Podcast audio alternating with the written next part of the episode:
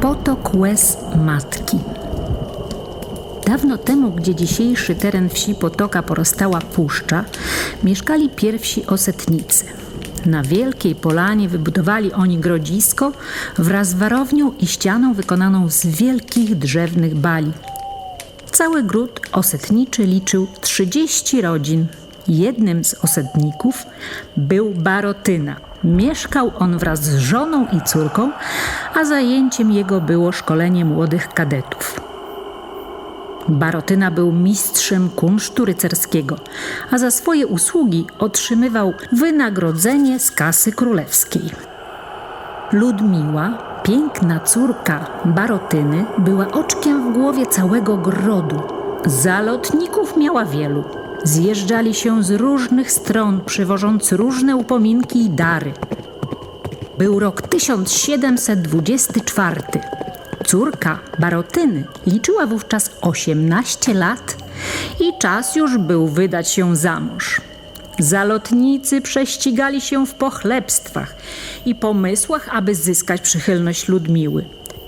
Jeden z nich, wojownik litewski Kasunas, zdobył się na odwagę i podstępnie wykradł pannę.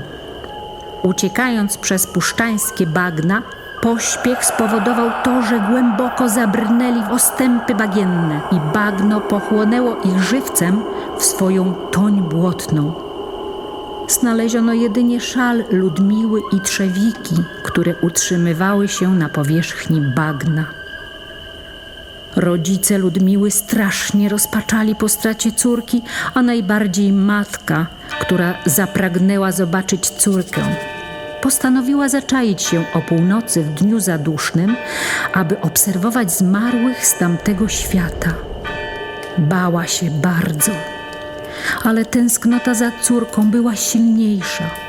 Gdy wybiła północ, oczom jej ukazał się przedziwny obraz nie z tego świata. Zmarli przechadzali drogą zwaną opatrzność Boża.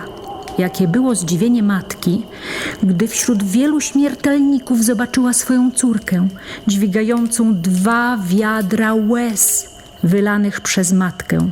Zobaczyła, z jakim trudem jej dziecko dźwiga taki ciężar. Zrozumiała, że nie może pogarszać losu swojej córki.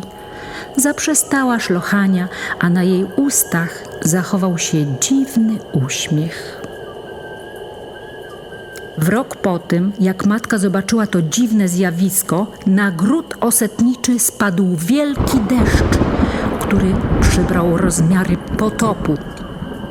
Od tego czasu wieś nazwano Potoka. Najstarsi zaś mieszkańcy tłumaczyli to tym, że ta córka oddała matce to, co nie było jej już pokutą. Opowieść spisana na podstawie legendy pana Malaszewskiego i Józefa Hutnika. Opracował Ryszard Worobiej.